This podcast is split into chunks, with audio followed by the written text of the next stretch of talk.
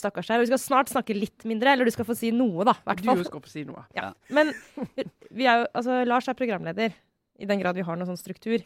Og Trine og jeg er en litt sånn rar blanding av at vi stiller spørsmål, men vi kan også mene ting. Mm. Så, det, så vi er liksom ikke tre som skal grille deg. Nei. Det er en samtale. Dere er de to på balkongen i Muppet Show. Ja, Ja, det det er sånn. Men, eh, Kvinnelig det som er, eh, det som er modellen. Jeg tror vi bare kjører på, jeg. Ja.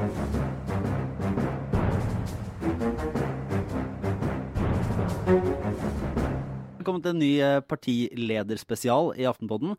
Til, eh, som vanlig så har vi med Sara Sørheim og Trine Eilertsen og jeg, Lars Glomnes. Men vi har også med Arbeiderpartileder Jonas Gahr Støre. Velkommen. Tusen takk. Eh, som sagt, dette er å regne som et lite friminutt fra, fra den store store Ja. valgkampen.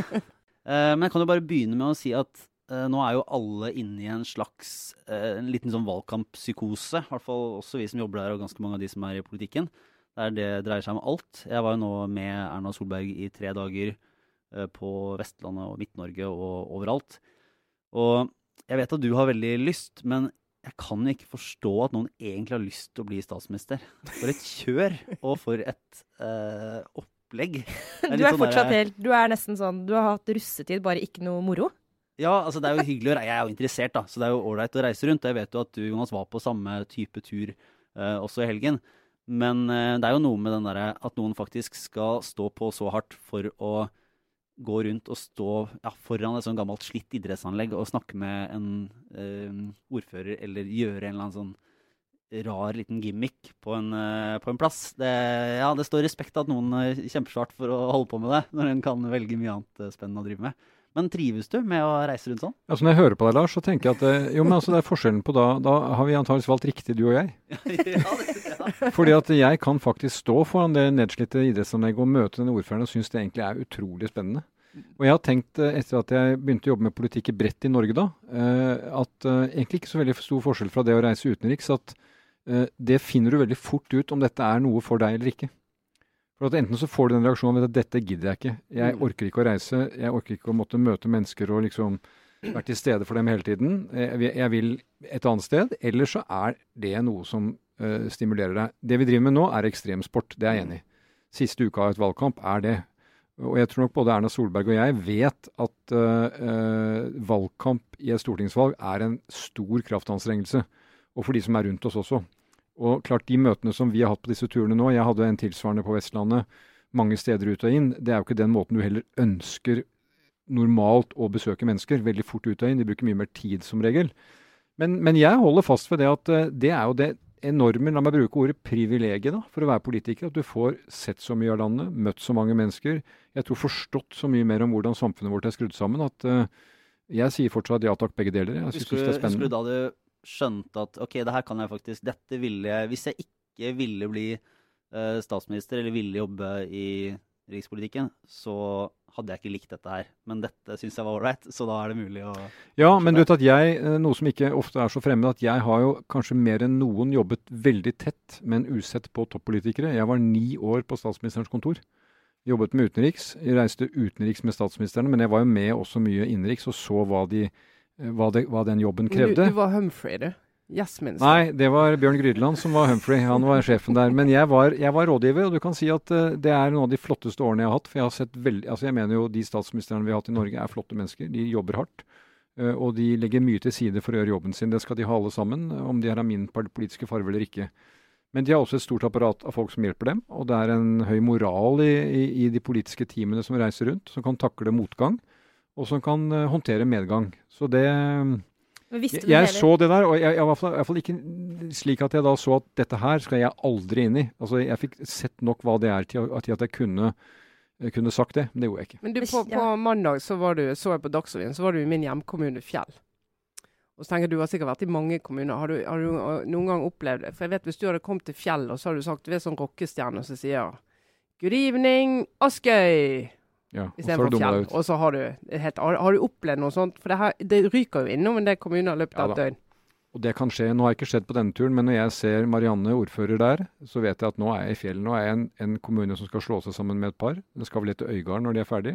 Ja, Med entusiasme, vil jeg Ja, nesten og jeg mener dette er jo fordi at i motsetning til hva Aftenposten skriver, så er Arbeiderpartiet for kommunereform når det er gode prosesser. Og her har vi en ordfører som kommer fra den største kommunen og tar navnet til en mindre kommune. Eh, men Det er litt som når mannen tar navnet til kona når man gifter seg. Det var ditt eksempel, men det er mer enn at uh, Men det det er ganske flott. Og så må jeg bare si at det vi fikk oppleve på den turen Vi, vi reiste da langs norskekysten fra Kristiansund til Bryne uten en sky. Og hvis du trenger å, å se landet og bli glad i det, så var det turen. Det var helt eh, eventyrlig fantastisk. Er Vi Også i din litt- hjemkommune. Veldig fint. Ja. Litt før sending diskuterte vi litt sånn eh, Vi vil jo gjerne Det er gøy. Politikk er jo en blanding av veldig tunge spørsmål og litt tøys og tull. Som, og det siste er vi ganske glad i her i Aftenpåten. Men vi hadde et bitte lite redaksjonsmøte før sending sånn Når skal vi ta det med kommunereformen? Eh, Nå var vi kanskje- ferdig med det. er, det, er det liksom riktig? Skal vi bare gjøre det nå? Altså, vi ferdig med det? altså Trine, Ja, Trine er jo bekymra for kommunereformen. kommunereformen. men, jeg har med Trine om den gangen. Vi kommer ikke til å klare å overbevise henne. Det lyser av hele henne at hun elsker denne kommunereformen. Hun hater Arbeiderpartiet fordi vi ikke er for tvang. Og definisjonen på at man vil Norge vel, det er at man skal tvinge kommuner i kne, og det får de ikke til. Nå må du være grei. Men det, det, som, eh, det, som, det som jeg er genuint nysgjerrig på, det er jo eh, hvis du er statsminister i løpet av en måneds tid, eller hvordan vi skal si det, et par dager, så eh, Altså, hva gjør du med den reformen? Altså Nå så vi rundt Ålesund, så begynner en del av de små kommunene å få litt eh, angst, for de ser at den nye storkommunen vil si opp eh, samarbeidsavtaler og interkommunale samarbeidsavtaler, og, og hva skal vi gjøre? Altså Hvordan vil du ta den videre? Nei, Jeg kommer videre til det jeg sa eh, da denne diskusjonen sto. Det var at hvis du tar det litt som overordnet, så skal vi som er kommunepolitikere, de som er kommunepolitikere, og vi som er partier, tenke følgende. Vår oppgave er å legge til rette for å løse oppgavene best mulig for borgerne, bedriftene, eh, de som lever i kommunen. Eh, Og så skal vi ivareta demokratifunksjonen, de to. Eh, Og hvis en, bedre, en annen struktur kan løse de to oppgavene bedre, så vil jeg si ganske sånn tungt, politisk, moralsk, skal ikke politikere stå i veien for det. Og Det betyr at i mitt hode så vil denne typen prosess med spørsmål fortsette. Eh, Er dette en måte hvor vi løser oppgavene på en god måte? Kommer man i en situasjon hvor man finner ut at man har gal størrelse, galt samarbeid, bør søke en løsning, så skal statsmyndighetene være der for å kunne legge til rette for det, bistå. Men den troen på å si at vi har tenkt ut dette fra sentralt, at nå skal Bindal ut av Nordland og inn i Trøndelag og inngå avtale med eh, kommuner som ikke Bindal vil, det tror vi er den dårlige oppskriften. Derfor landet vi etter hvert på å si at vi er mot tvang. Som jo for øvrig også Kristelig Folkeparti gjorde ut fra den regjeringskonstellasjonen. Så det, det, det, det tror jeg kan komme til å fortsette både som følge av at noen opplever at de er for små, noen kan oppleve at de mangler fagmiljøer som de kan få med gjennom tette samarbeid, eh, ikke nødvendigvis interkommunalt, men fordi de også øh, slår seg sammen. Og jeg, jeg sier igjen, de, de som har slått seg sammen, Arbeiderpartiet er i stort flertall i å lede de kommunene, og de gjør det veldig grundig og veldig godt. Det er bra. Så er det vel veldig få Det ligger vel ikke an til at det er så veldig mange kommuner som vil reversere de beslutningene. som Nei, og det har jeg full respekt for. Jeg har bare sagt at når vi har mot tvang, så er vi åpne for å se på de vedtakene igjen. Og hvis de kommer til at de lever med det som er, så er det greit. Men det dere snakker altfor lite om, det mener jeg er ansvaret denne regjeringen har for et makkverk av en reform, nemlig regionreformen. Mm. Som ingen av dem egentlig ønsker, kanskje Venstre litt. Og som Kristelig Folkeparti nå sitter og sier at dette er jo ikke ferdig, dette må vi gjøre mer av. Men de har jo utnevnt regionmenn og -kvinner. Mm. Eh, Og de har tenkt på et tall, og vi skal ha denne enorme regionen som ingen fylker vil ha, fra Ja. langt oppe Hallingskarvet til langt ned i Halden. Jo, men ikke sant? Jo, men Det, det å helt- styre et land på den måten, jeg, det, Ja, jeg gremmes over det. Veldig rå. Veldig rå pussig reform. Ja. Jeg kjenner at det, akkurat regionsreformen er liksom, jeg har ikke den helt framme i liksom, pannebrasken. Jeg bare tenker at det Ja, men der, men der tror jeg altså egentlig hvis eh, måten den er laget på, burde jo virkelig vært opprømmende. Men jeg tror mange opplever, og det er jo litt av problemet til fylkeskommunen, at Jo, men så sier ikke man angår folk, de så nei, men vet du hva, altså, det, det sier folk. Jeg bor i Oslo og har vokst opp i Oslo, det er både fylke og kommune. Men dra til Østfold. Mm. Ikke sant? Østfold, hvis du, Da skal videregående skole i Østfold da, i fremtiden samordnes med det som er i dag Buskerud. Eh, Og så skal man lage tilbud. Altså Den regionen rundt hovedstaden uten Oslo kommer til å ha en veldig sentraliserende kraft, hvor de i utkanten I dag ser du både Jeg, ser i, i, mitt parti, da, i Buskerud, så er det jo befolkningskonsentrasjonene rundt Ringerike og Lier og Drammen som får topplassene på listene. Hvis du kommer liksom langt opp i Hallingdal eller Numedal, så er det vanskeligere. Men fordi dette det trekkes inn mot der hvor det bor flest. Mm. Men hvis i fremtiden da at liksom uh, Viken-regionen skal uh, bli en stemmeregion, hvordan skal det være for de som kommer fra utsiden? Som et eksempel, og alle de fylkene er mot. Men nå tenker jeg bare på en ting mens du snakker. Unnskyld. Altså, jeg, jeg også tenker at det er bra at vi, eller vi må ha en regionsreform som fungerer, men jeg aner jo ikke hvordan man skal få til det. Men jeg tenkte egentlig på nå var sånn eh, hvor utrolig sakte politikken maler. Og frustrerende må være at altså, disse reformene tar så lang tid. Eh, og det høres jo fornuftig ut på mer sånn allmennmenneskelig nivå at liksom, tvang altså, Alle vi som har barn, vet at tvang fungerer kanskje der og da, men er dårlig på sikt og sånn. Men, men litt mer overordna enn det som politiker, blir du ikke liksom, gal av utålmodighet over at du må lirke og lure disse kommunene på plass, for å ta det som eksempel. da. Så ting tar så lang tid. Er det ikke fristende å bare liksom få gjort ting litt kjappere? Jo, men da, da tenker jeg at man må, man, man må kjenne sitt folk og sitt land. Og det er de tre T-ene som du må lære i politikken. ikke sant? Ting tar tid. Ja. Ting tar tid. Jo, men, og gode ting tar kanskje litt ekstra tid. Men det må være en fast hånd og en fast vilje. Men de gangene, i hvert fall, et, et godt eksempel du sier med ungene mine, de gangene, da er det nødvendig med tvang noen ganger, men det blir jo himla dårlige løsninger av det, stort sett.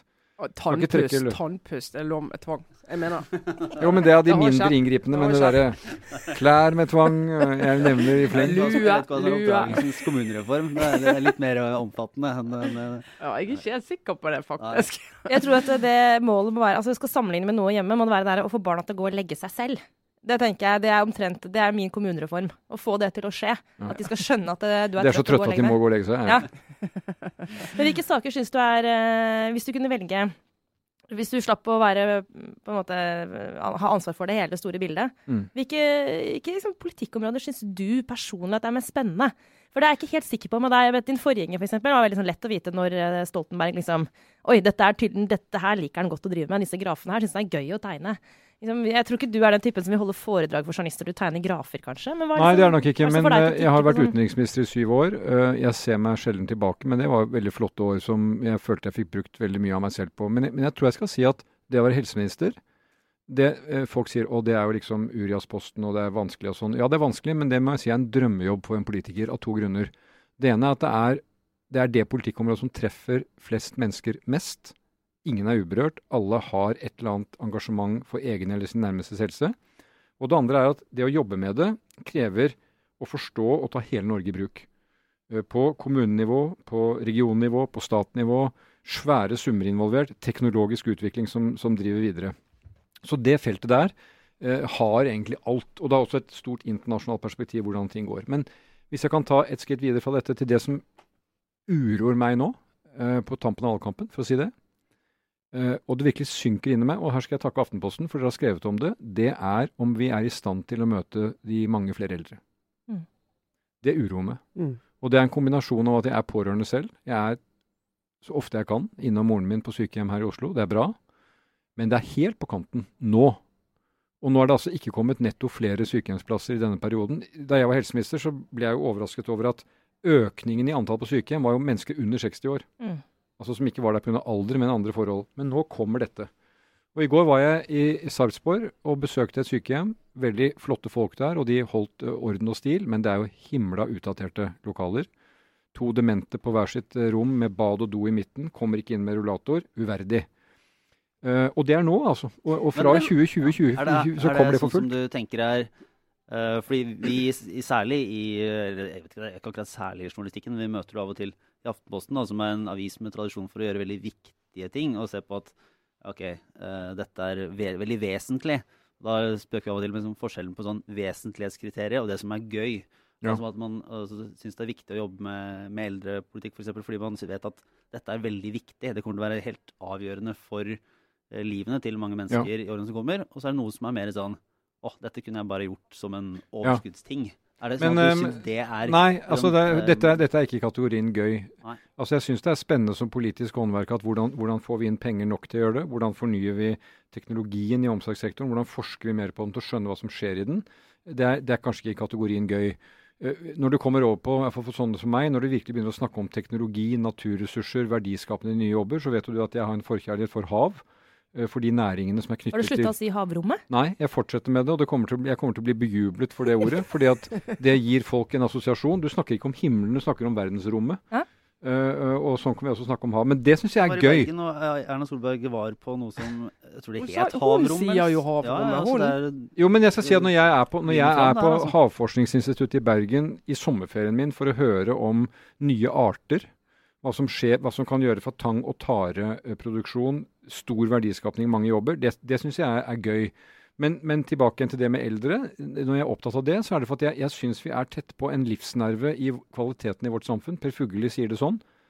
At dette er det mest demokratiske av alt, for alle skal gjennom det. Alderdom.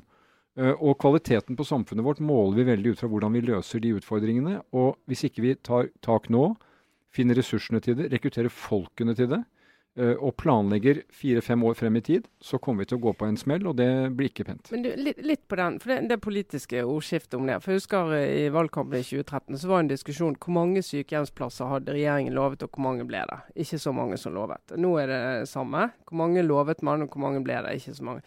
Og så lurer jeg på, altså For mange så tror jeg akkurat denne konkurransen om disse 12 000, altså eh, 12 000 her, 9000 her, 10 000 her, det er så mye av debatten som handler om de tallene og akkurat de perspektivene du trekker opp, som jo er egentlig mye viktigere enn om det er 12 000, 13 000 eller 11 000 eller 9000.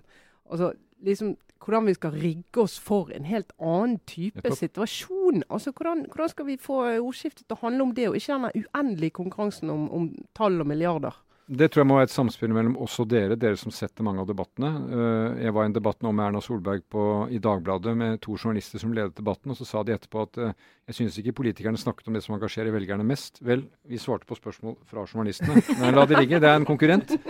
Men, men eh, til det du sier, så tenker jeg Trine, at det med tall er jo på en måte viktig. Disse 12 000 sykehjemsplassene som ble nevnt i vår tid, de kom jo. De var på plass i 2015. Men dilemmaet var jo da er det netto nye, eller er det oppussing av gamle? Og det, Da er vi ved kjernen av det at jeg tror vi kommer til å måtte gjøre begge deler. For det jeg så i Sarpsborg for i går, det må pusses opp, det, for ellers så er det uverdig, mener jeg. Og vi må bygge nytt, slik at det kommer netto nye plasser. Men Men kan må- det fikses altså, på et litt mer sånn overordna nivå? For jeg, jeg kjente også nå at liksom Jeg forstår jo at dere må jo slå hverandre i hodet med, med disse tingene. Altså dere som kjemper om, om den politiske makten. Fordi det, det er jo sånn man mm. vi, vi skaper jo samfunnet gjennom en et, sykehjemsplass etter en annen.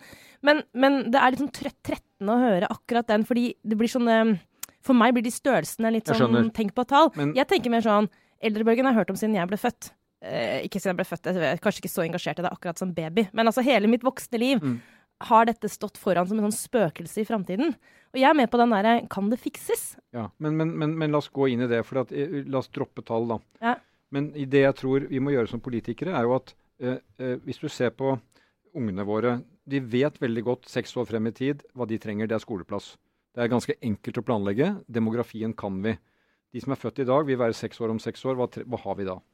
Mye mye vanskeligere med de eldre, selvfølgelig. fordi at fra du er 60 til du er 100, så kan du ha så utrolig variabelt behov. Fra ingenting til veldig mye. Men det jeg tror må skje av endring, det er at vi må lage noen regler og normer i landet Norge, staten Norge, om hva som er kvalitet i eldreomsorgen. Jeg tror fortsatt at kommunen skal ha hovedansvaret, for de er tett på sine innbyggere. Men de må både få penger, plikter, og bli fulgt opp på at de både har kapasitet og kvalitet. Nå vil de aller fleste du ser, og det, det leser vi av deres tall også, kommunene velger hjemmepleie fordi at det er for veldig mange bedre, så det er bra. Men også kan det være billigere, fordi at heldøgns omsorg er dyrere. Men jeg mener altså, moren min hun hadde jo ikke klart seg en dag om hun skulle vært alene med alt, aldri så mye sykepleie, så hun må ha eh, heldøgns eh, omsorg. Eh, men jeg, jeg savner litt det at erkjennelsen at dette kommer til Nå vet vi av demografien at fra 2020 så, så går det i været med de pleietrengende over 80. Og da må vi begynne å gjøre noe med det nå. Og det, da er vi over på debatter som dere sikkert begynner å bli ganske lei. ikke sant? Men hvordan skal vi finansiere det? Hva skal skattepengene våre gå til? Eh, Hva skjer om ikke vi tar tak i den utfordringen? Men jeg syns gjennom valgkampen jeg blir spurt av journalister hva er det viktigste. Mm. Og det vet du at både dere og politikere er vanskelig for å svare for, for det er flere viktige ting. Men hvis jeg liksom virkelig skulle stått mot veggen og svare på noe, så tror jeg dette er eh, eh, kritisk viktig. Fordi at Hvis vi kommer for skjevt ut på det, så blir det, blir det veldig uverdig. Og det, det, det, kan vi ikke la skje. Men denne valgkampen, det er jo ikke, fram til nå så er det jo ikke sånn at, eh, at tallene alt har pekt i, riktig retning. Det har vært mye fokus på, på deg som partileder. Hvordan er det å være sånn, så sentral i den prosessen å gå rundt Bare litt tilbake til den eh, Du hadde en rolle som utenriksminister, var litt sånn eh, Super-Jonas, var vel et VG Det var helse, var ikke det helseminister som var jo, super, men, Jonas? men på en måte kom inn i en, en, Mm. det vi har snakket litt om, er at du kanskje kom inn i en litt sånn todimensjonal rolle som utenriksminister, fordi det er en ikke veldig politisk eller sånn, Du er ikke så mye person når du er utenriksminister. Det blir nesten mer et symbol enn en person. Altså Så jeg, så har du på en eh, måte måttet bre ja. ut dette, og, så, og da kommer det mer Det er riktig. Jeg, nyanser, noen sier at det er lett å være utenriksminister. Det opplevde ikke jeg. Jeg syns det var ganske vanskelig i mange av de situasjonene. Vi hadde masse soldater i Afghanistan. eh, Vi hadde delelinjeforhandlinger med Russland. Vi hadde våre ting på vår vakt. Det er ikke lett å være utenriksminister. Men det er klart at det jeg står i nå, er bredere. Ansvarlig for mer. Eh, eh, Jeg føler meg veldig forberedt på det nå. Godt liksom eh, trenet og har erfaring til å gjøre det. Men jeg kan dele med dere at eh, jeg opplever denne valgkampen å være veldig meningsmålingsdrevet. Eh, vi skal svare på alle spørsmålene, men vi får på en og samme dag og skal svare ærlig på en måling som viser noe i en by eller et land som går opp. Og så går vi over i det neste mediehuset, samme by eller land, og så går en meningsmåling ned og skal svare på samme alvor. Og det, det er jo litt sånn, det er greit, men det tar veldig mye tid. Og denne valgkampen ble jo slik at da vi gikk ganske mye ned tidlig i valgkampen, så sa jeg til mine medarbeidere dette kommer til å bli en valgkamp i motvind. Mm. Det må vi bare forberede oss på. At uh, dette, jeg må stå i alle sammenhenger og svare på det. Jeg kommer til å bli fulgt med en ny vinkel. Eh, kameraene kommer til å følge med med den vinkelen. Men Kommer vi til å finne triste bilder av deg. ja, og jeg er ikke trist person, men jeg sier at uansett om jeg går og smiler hele dagen, så er det et øyeblikk hvor du er i, legger ansiktet i alvorlige folder. Men jeg brukte det bildet. Eh, altså, det, skal du frem over havet med seil, så kommer du frem i motvind. Du må bare legge kursen deretter. Du stopper ikke opp, og vi skal vise hva vi har laget av. Så min jobb har jo vært å motivere folk. og si det at Hvordan vi, gjør du det? Altså For det første ved å være eh, fullt og helt eh, fokusert på det jeg skal gjøre. Være meg selv, eh, ha humør. Eh, og det har ikke vært vanskelig, fordi at jeg opplever at dette laget er veldig eh, samlet og fokusert. Jeg vet at hvis dette laget virkelig hadde knelt nå, så hadde dere funnet ut for lenge siden. Og det gjør det ikke. Det er oppe og går. Og vi ser nå, tro meg, det snur. Eh, skolevalgene var et veldig klart tegn blant unge mennesker. Og jeg er veldig ja, fast på at vi kommer til å gjøre et bedre valg enn det målingen har vist til nå. Du sier at, eh, at, eh, at du nå ja, må være der sjøl, og så er jo det av de fascinerende jeg bare, diskusjonene som er der ute, og som har vært, er jo at nå ser vi en ny Jonas Gahr Støre, liksom en, en tøffere i debatten, eller så er det noen, da, inkludert noen som sitter her i studio, som har ledd litt av at du er på sosiale medier i sånn Håkon Lie-skjorte og bryter litt med imaget. Jeg så akkurat til å si i stad, nemlig at for nå kan vi si til våre lyttere at nå sitter du i studio i en ulastelig dress. Og det var slik vi var vant til å se deg i gamle dager. Men altså, jeg er vel omtrent som dere. Når jeg er på fritid, så går jeg ikke i blå dress, altså. Gjør du ikke? Nei, jeg gjør ikke det. Hvis du noen gang Sara trodde det, Sara. Sara liker å tenke det, skjønner du. Ja, men da, da er det godt at vi får fantasien ryddet til side. Jeg har, jeg har en skjorte som har, eh, er fritidsskjorte, og noen ganger i politikken er du ute og går i det. Men, men legg det til side litt. Poenget er at eh, når vi er eh, politikere, så skal vi tåle å bli gått etter i sømmene, opp og ned, og svare på spørsmål. Det gjør jeg. Men hovedmotivasjonen nå er jo å snakke om politikk. Det som valget står om 11. Mm. Ikke sant? Å komme i møte med velgerne. Og jeg mener jo at Arbeiderpartiet, det mener jeg selvfølgelig veldig partisk, er det partiet som har lagt frem mest gjennomarbeidet politikk i denne valgkampen. Grundig på eldreomsorg, grundig på skole, grundig på sykehus, grundig på arbeid. Og så er herfra inn handler jo det om å bryte det ned. Slik at jeg kan være på Lakkegata skole og si at her kommer det lærere til som kan ta ut elever og gi dem spesialopplæring. Være på de eldre stedene og si at med denne, det, denne måten å satse på eldreomsorg, så kan det faktisk både pusses opp og bygges nytt, Men, det, men osv. det jeg tenker, um, den altså, alle de sakene om pengene dine og de ikke fond du har investert i og sånn. Jeg tenkte litt sånn, akkurat som jeg er liksom, grillfest i Pontypandy. eh, På, det er en Brannmann Sam-referanse. Ja, jeg kjenner det. Jeg Du har jo barnebarn. Ja. Ja, ja. Tenker du sånn Å, herregud, det blir jo selvfølgelig brann. Bare drit i å ha grillfest her i denne byen. Det går ikke bra.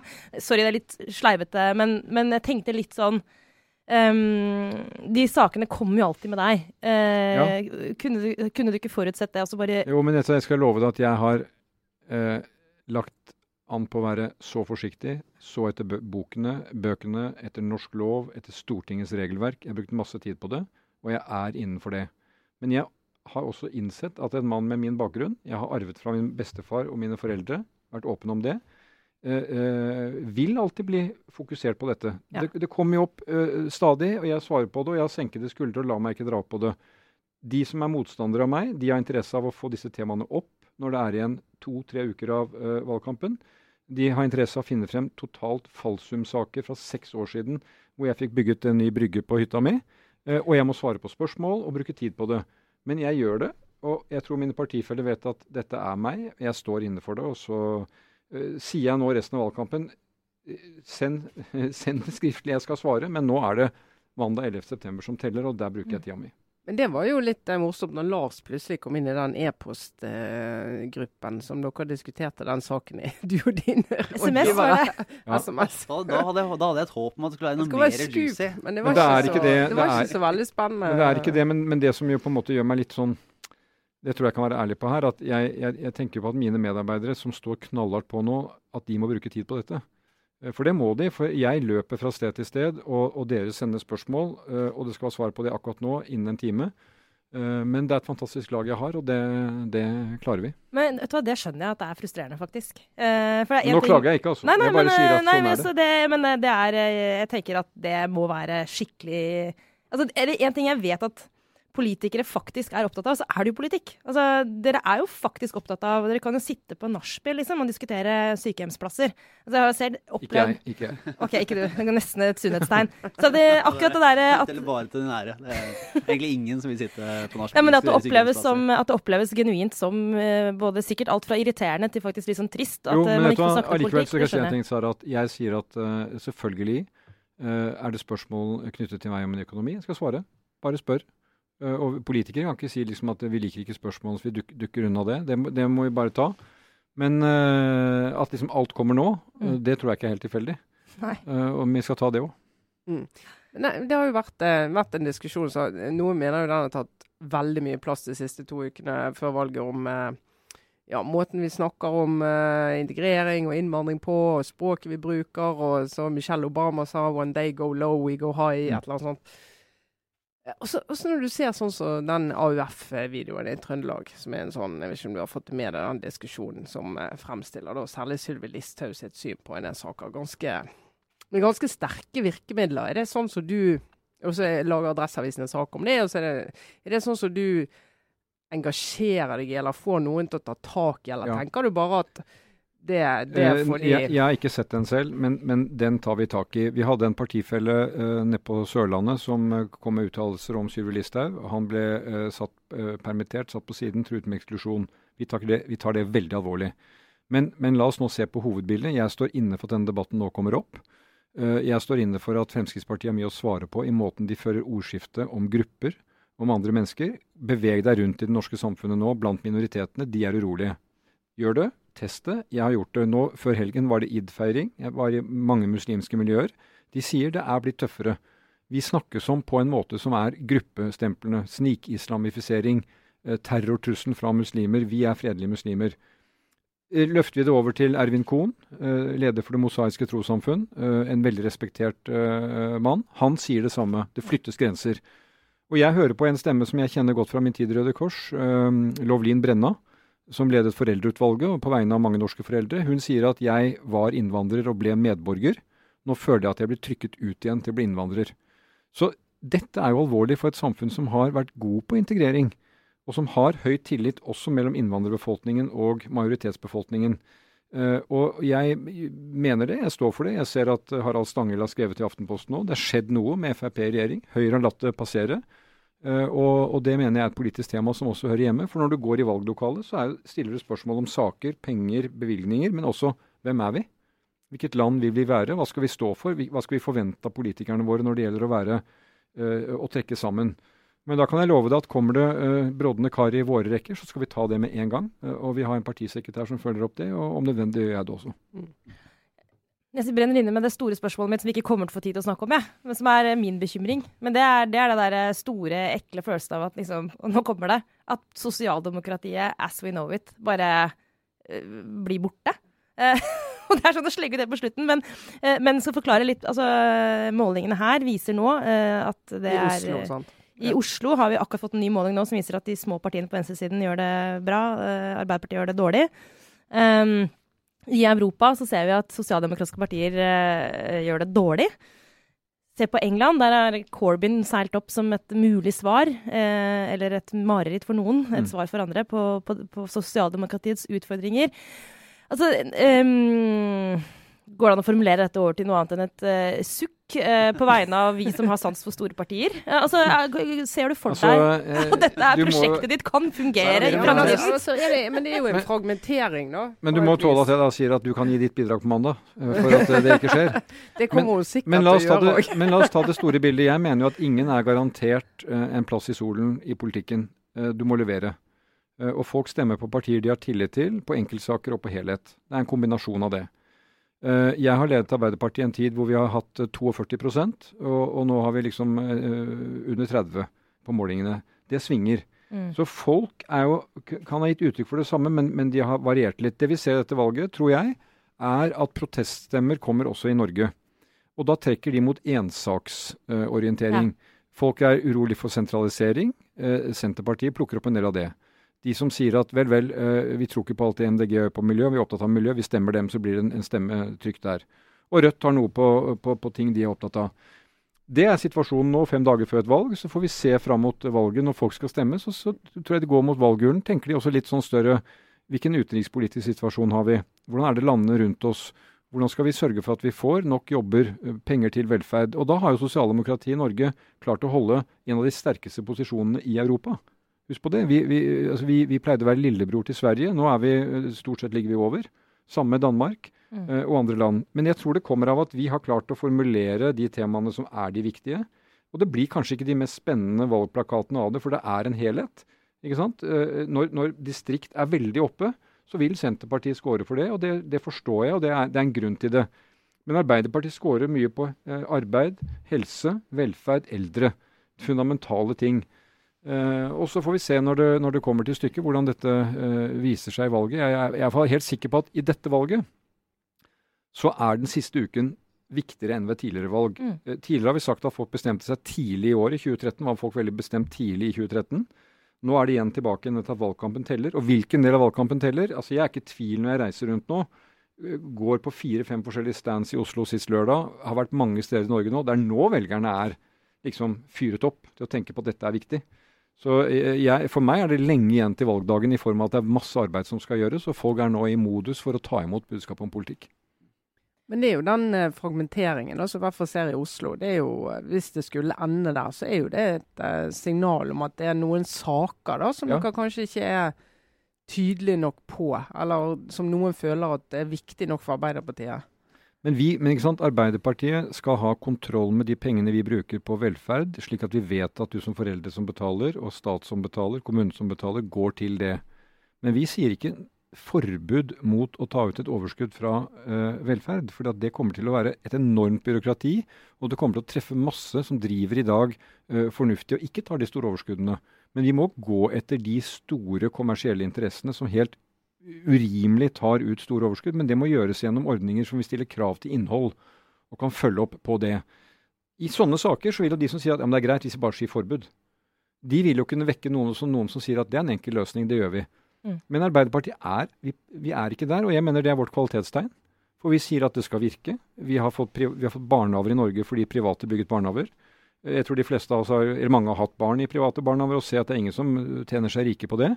Men hvis noen kommer inn og gjør en svær kommersiell kule på at du driver barnehage, eldreomsorg eller barnevern, så har vi andre måter å sikre at det ikke skjer på. Det er litt mindre tabloid, men det er litt mer solid, og det er uh, oss i et nøttskall. Ja. Det, det, det, det du lurte på, det av alle ting som ble løfta opp i forkant, uh, Det var jeg lurte på. for det, Ja, det, ja, det var på barn, sant? Ja. Ja, for det er jo Du er jo bestefar. Eh, og vi som har eh, barn i barnehage, det vi drømmer om, er jo sånn eh, bestefar og bestemor som går, og henter en dag i uken, og så får ungen overnatte hos eh, bestefar, og så Sånn er leverer du på morgenen. Gjør du det? Ja. Ja, det er bra. Altså, det er jo fordi at vi er Og, og det skal du du fortsette ikke- med, da? eller? Nei, altså det er kona mi og jeg, da. Men Ja. altså nå i valgkampen var intens. Han bodde hos oss fra lørdag til søndag. og uh, Han sov ikke veldig lenge om morgenen, men nok til at det var for meg en utrolig eh, vitamininnsprøyting. veldig fin måte å våkne på, da. Fantastisk. Det beste særlig med for, Særlig for foreldrene til eh, Ja, han, ja. Foreldrene hans syns det var fint. Men det er faktisk, det er virkelig en sånn ting som jeg tror alle vi som har en jobb, vi kan bli helt oppslukt av. Det antar jeg gjelder eh, alle rundt dette bordet, blant annet. Det ikke du vet, Lars, som eh, ikke har egne unger, er jo den følelsen av at selv om man er sliten og ikke får sove nok og sånn, så er den der at hjernen blir tvunget til å tenke på noe annet når den er sammen med unger. Det kan man oppleve med andre, trenger ikke å være ens egne barn, altså. Men det der barnas verden, de gir blank F i hva vi holder på med. De vil bare være at det skal være noen der som de kjenner, som bryr seg og som leker. Det tror jeg er veldig sunt. Jeg håper, du, håper nå liksom at du nå, også før mandag, det får du sikkert tid til, de bare innimellom Det å snappe ut av det man holder på med, om det så bare er ti minutter å sitte på gulvet med en liten unge og pusle vi etter kunne deg. ha en egen Aftenpodden om bestefarrollen. Det er, eh, det er, men det er jo en livserfaring i seg selv, og barn. Og, og det, det mest spennende egentlig, og det minner litt om ting i livet, det er at det er så kort siden jeg var pappa. Ja. Uh, og når jeg skifter på han Jeg tenker på at når faren min Altså, faren mins forhold til meg som barn og mitt forhold til min sønn som barn, det var veldig stor forskjell. Det var liksom to, virkelig generasjonsforskjell. Jeg tror uh, Magnus, min sønn, som har Albert, hans forhold far-sønn, minner mye mer om det forholdet jeg hadde til han. Fordi at pappaer er mer med, ikke sant? De deltar. Så det at det er, så, det er liksom så nært, eh, men samtidig er det bestefar. Altså det er ikke meg. Det, det, er, det er liksom noe etter meg. Det er i seg selv eh, Ja, det er en Hvor gammelt er barnebarnet ditt? Han blir to år. Og jeg, jeg har utviklet da vi hadde barn selv, at enhver familie bør ha en toåring i huset. For det, Ja, det er en ja. vitamininnsprøytning. Ja, det er veldig gøy. Og så er- men det som går an å tenke når du har en toåring, nå, det er jo at det hadde vært gøy å gå direkte til besteforhold. og, Ja. og liksom ha de av og til. Eller jeg hørte andre som sa det, at de som ikke har besteforeldre i nærheten, de bør få en egen fradragspost på selvangivelsen. Det er Du, fiks det. det. Og sånn Det hus, få tilbake husmorvikarene. I så fall så, så skal ikke jeg be om noe mer. Bare liksom har øvrig, jeg har egentlig argumentert for at vi skal ha en egen, om ikke en egen sånn besteforeldrepodkast, så vil jeg ha eh, Trine og Sara de gi sånne livsråd. Jo, men jeg kommer, jeg. Bare vent, vent til etter mandag, så skal vi Hashtag sliten småbarnsmor. ja, ja. Aftenpåden hjelper deg med å løse livets små kniper. Ja. Det er jeg sikker på du har noe triks Men, på men det må jeg få lov å si. Altså, de barna med rett den farsrollen. Jeg tenker på mine gutter som har en far som ser de langt mer enn de ser meg for tiden. da. Men eh, det er jo situasjonen. Men for en gave å ha to foreldre som de er så tett med, som de kommer til å være. Men allikevel så skriver Trine Eilertsen i Aftenposten at når Arbeiderpartiet vil gå fra 10 til 14 uker i pappaperm, så er det reversering. Nei, har jeg skrevet det? Ja. Fire av ti forslag er reversering. Sånn blir du når du jobber i den avisen, jeg. Her utvider vi en velferdsordning. Altså, jeg ble pappa for annen gang da pappapermen kom i 1993. Nei, da fikk jeg vetle. Ja, men vet du hva, de, de fire ukene der er faktisk litt enig med Kjetil Alstein selv om jeg så han ertet oss for det. Det er jo ikke det som er avgjørende for dette. Det er reversering jo- og det er jo utvidet 14 hele, Det er jo hele rigget Men nå er jeg journalist, Trine. Nå Ja, bytter vi men det er roller. Hvordan kan du mene at det å utvide pappaperm fra 10 til 14 uker er reversering? Nei, Jeg er jo for det. Det har jo vi nettopp skrevet. Ja, men det, Du kaller det reversering? Kaller jeg det reversering? Men Ja. det, det, da er det jo hyggelig reversering, da. Der har vi det. Nå har vi fått avklart. Nå bytter vi roller igjen. Reversering trenger jo ikke være negativt. Kom tilbake, kom tilbake etter valget og intervju oss hvis du har lyst. Ja, Skal du få ta ut all eh, Nå ser jeg rådgiveren din har tatt på seg skjerf og jakke og uh, mobil og veske på armen, så da Det Det er er kanskje veldig hyggelig å være her. Det er veldig hyggelig Tusen takk for at du tok deg tid til å komme. Og så får du, som, eh, som sagt, alle som påtar seg oppgaven med å skulle stille til valg. Ja, vi til heier i jo på alle, Ja, egentlig. det er, tross alt så er vi, er vi politikertilhengere Ja, det er vi. her, i hvert fall. Det er vi. Så takk Jonas Gahr Støre for at du kom. Tusen takk. Takk for meg. Og eh, takk Trine og Sara. Og så for de som laster ned eh, denne podkasten allerede nå eh, onsdag ettermiddag, så må vi bare reklamere med at vi har livesending senere i dag på Kulturhuset i Oslo. Og så kommer vi til Bergen i rett i forkant av den store siste partilederdebatten på fredag. Så er det mulig å komme og eh, prate litt med oss og høre på noe eh, preik. eh, og i det hele tatt. Så ha det bra. Thank you.